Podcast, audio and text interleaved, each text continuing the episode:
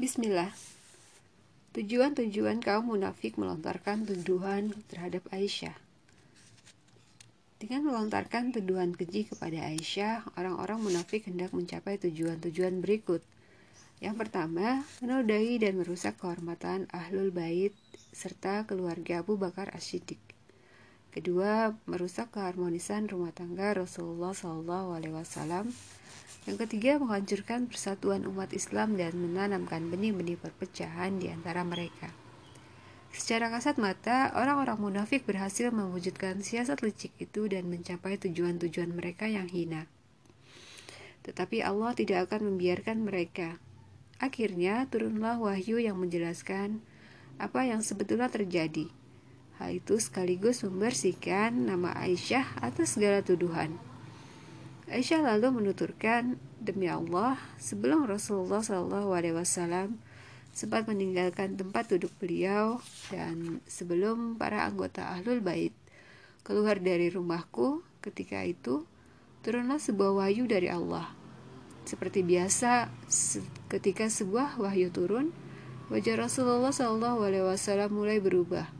Keringat mengucur deras dari tubuh beliau, laksana butiran-butiran permata. Padahal ketika itu musim dingin. Setelah Rasulullah SAW kembali pulih, beliau tiba-tiba tertawa. Kalimat pertama yang beliau ucapkan adalah, Bergembiralah wahai Aisyah, Allah telah membebaskanmu dari segala tuduhan.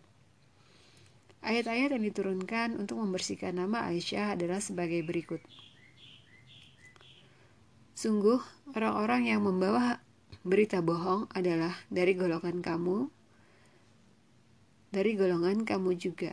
Janganlah kamu mengira berita itu buruk bagi kamu, bahkan itu baik bagi kamu. Setiap orang dari mereka mendapat balasan atas dosa yang dilakukannya. Barang siapa di antara mereka yang mengambil bagian terbesar atas dosa yang dilakukannya, ia mendapat azab yang besar pula. Mengapa orang-orang mukmin dan mukminat tidak berbaik sangka terhadap diri mereka sendiri? Ketika kamu mendengar berita bohong itu dan berkata, "Ini adalah suatu berita bohong yang nyata." Mengapa mereka yang menuduh itu tidak membawa empat orang saksi? Karena mereka tidak membawa saksi-saksi, maka dalam pandangan Allah mereka adalah orang-orang yang berdusta. Seandainya bukan karena karunia Allah dan rahmatnya kepadamu di dunia dan di akhirat, niscaya kamu ditimpakan azab yang besar. Hal itu disebabkan pembicaraan pembicaraanmu tentang hal itu, berita bohong itu. Ingatlah ketika kamu menerima berita bohong itu dari mulut ke mulut, dan kamu katakan dengan mulutmu apa yang tidak kamu ketahui sedikit pun, dan kamu menganggapnya remeh, padahal dalam pandangan Allah itu merupakan hal yang besar. Dan mengapa kamu tidak berkata ketika mendengarnya, tidak pantas bagi kita membicarakan ini. Bahas suci engkau, ini adalah kebohongan yang paling besar. Allah mengingatkan kamu agar jangan kembali mengulangi hal itu selama-lamanya. Jika kamu beriman dan Allah menjelaskan ayat-ayatnya kepada kamu, Allah maha mengetahui dan maha bijaksana.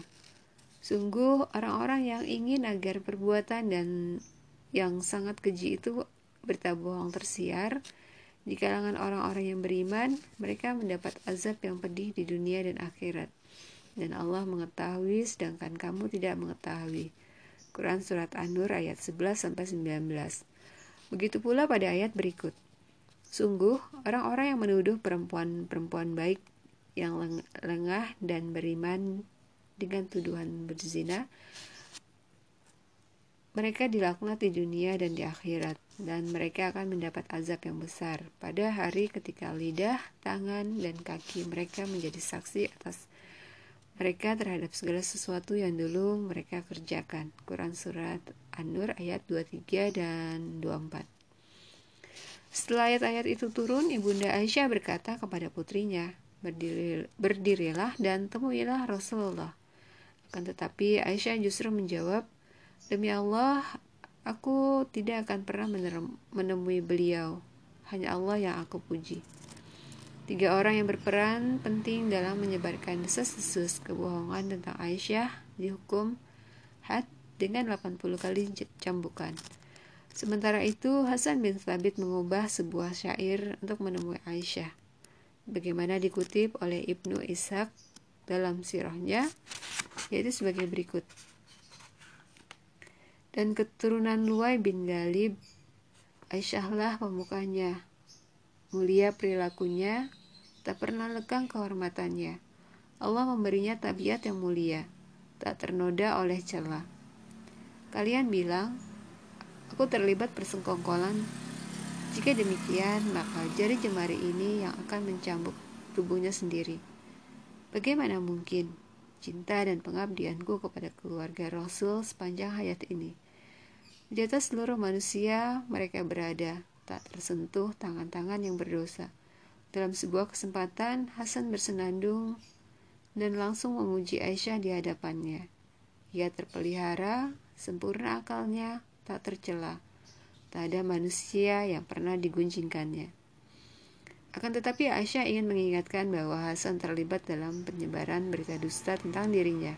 Karena itu ia berkomentar, tetapi engkau Hasan tidak seperti syair yang kau gubah itu. Hadis riwayat Bukhari dan Muslim. William Muir dan Hadisul Ifki Seorang orientalis dan sejarawan barat, William Muir, melakukan kesalahan fatal atas komentarnya terhadap hadisul ifki. Kesalahan itu bersifat historis sekaligus literer, tidak mungkin bagi kita untuk merinci seluruh kesalahannya dalam bagian yang singkat ini. Cukuplah apabila kita sebutkan masing-masing satu kesalahan yang menyangkut validitas sejarah dan pemahaman literer. William Muir menulis bahwa ketika kaum muslimin kembali dari peperangan dengan Bani Mustalik, dan telah tiba di Madinah, mereka meletakkan sedekup Aisyah di depan pintu Masjid Nabawi di hadapan Rasulullah SAW. Kemudian mereka membukanya. Ternyata Aisyah tidak berada dalam sedekup itu. Tak lama kemudian Sofwan bin Mut'al Mu'atol datang menuntun unta sedangkan Aisyah berada di atas punggung unta itu. Kemudian William Muir melanjutkan, Sofwan bin Mu'atol telah berusaha sekuat tenaga untuk mengejar pasukan muslim, tetapi ia tidak berhasil. Ketika pasukan muslim telah tiba di Madinah dan kemah-kemah telah didirikan, Aisyah datang dan memasuki kota Madinah di bawah penglihatan orang-orang. Ketika itu, Sofwan bin Mu'attal menuntun unta yang ditunggangi Aisyah. Kedua gambaran di atas sangat bertentangan dengan apa yang tercantum dalam seluruh literatur hadis dan sirah. Motif William Muir adalah atas penjelasannya itu tentu saja untuk merusak Islam dan menggambarkan kenyataan dengan cara yang sangat buruk. Seluruh sejarawan dan ulama hadis menyepakati bahwa Syafwan berhasil menyusul pasukan muslim pada siang hari sebelum mereka memasuki Madinah. Dan sama sekali tidak ada perincian tentang kota Madinah dalam kisah kedatangan Sofwan dan Aisyah. Sementara itu, mengenai keterlibatan Hasan bin Thabit dalam menyebarkan tuduhan kepada Aisyah, akhirnya ia mendapat cemoohan dari umat Islam. Tetapi Aisyah sendiri tidak mau mencela Hasan dan bahkan melarang orang-orang mencemoohnya. Aisyah meriwayatkan perkataan ayahnya berikut ini. Aku mengumpat Hasan di hadapan Aisyah, tetapi Aisyah justru berkata, Jangan kau umpat Hasan, ia pernah membela Rasulullah Wasallam dengan syair-syairnya. Hadis riwayat Bukhari dan Muslim. Dari pernyataan di atas, Aisyah sebenarnya telah menjelaskan penyebab ia tidak mau mencela Hasan bin Thabit.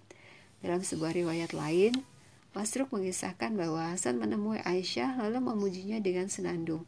Ia terpelihara, sempurna akalnya, tak tercela. Tak ada manusia yang pernah digunjingkannya. Mendengar syair itu, Aisyah berkomentar, tetapi engkau, Hasan, tidak seperti syair yang kau gubah itu. Lalu Masruk bertanya kepada Aisyah, mengapa engkau mengizinkan Hasan menemuimu? Padahal Allah telah berfirman, dan barang siapa di antara mereka yang mengambil bagian terbesar atas dosa yang dilakukannya, ia mendapat azab yang besar pula. Quran Surat An-Nur ayat 11 Aisyah menjawab, azab apakah yang lebih besar daripada kebutaan? Hasan telah membela Rasulullah SAW dengan syair-syairnya dan membalas ajakan kaum kafir kepada beliau. Hadis riwayat Bukhari dan Muslim. Akan tetapi, William Muir melihat ada hal lain yang menyebabkan Aisyah melarang orang-orang untuk mengumpat Hasan. Ia berkata, Hasan telah mengubah syair yang indah tentang kesucian, kecerdasan, dan syair yang indah tentang kes kesucian, kecerdasan, dan kecantikan Aisyah. Ujian yang bersifat menjilat dan sekedar basa-basi itu kemudian melahirkan hubungan yang erat di antara keduanya. Jika pendapat William Muir itu benar, mengapa ia tidak mengutip beberapa bait syair dari Hasan yang mengungkapkan pujian terhadap kecantikan, keindahan, fisik serta tubuh Aisyah yang gemulai? Muir barangkali lupa bahwa Hasan bin Thabit melontarkan syair-syair pujian itu dalam keadaan buta. Aisyah sendiri ketika itu telah berusia 40 tahun. Karena itu, dari manakah Aisyah memiliki tubuh yang gemulai pada usia setua itu? Padahal telah kita sebutkan pada bagian terdahulu bahwa tubuh Aisyah mulai gemuk pada usianya yang ke-15. Hal yang lebih menggelikan lagi, William Muir berkata, syair-syair Hasan mengandung pujian terhadap tubuh Aisyah yang ramping dan gemulai. Tapi Aisyah merasa tersindir oleh pujian itu, karena itu, ketika Hasan telah sampai pada bagian yang menggambarkan tubuh Aisyah yang ramping dalam syair itu, Aisyah menghentikannya sejenak, lalu dengan genit mengejek tubuh Hasan yang gemuk. Penulis telah mencoba meneliti dan membolak-balik seluruh literatur sejarah satu persatu. Ternyata tidak ditemukan secuil pun gambaran tentang sikap Aisyah, sebagaimana digambarkan oleh William Muir. Kemudian, penulis mencoba meneliti metode yang digunakan oleh William Muir dalam kajiannya. Penulis berkesimpulan bahwa kesalahan itu tidak terletak pada sumber yang digunakannya, melainkan pada kecongkakan intelektual dan sikap yang menganggap dirinya sebagai orang yang paling tahu tentang bahasa Arab, serta kaidah-kaidah dan makna-maknanya. Berdasarkan kenyataan yang ada, kesalahan fatal William Muir terletak pada pemahamannya atas teks bahasa Arab.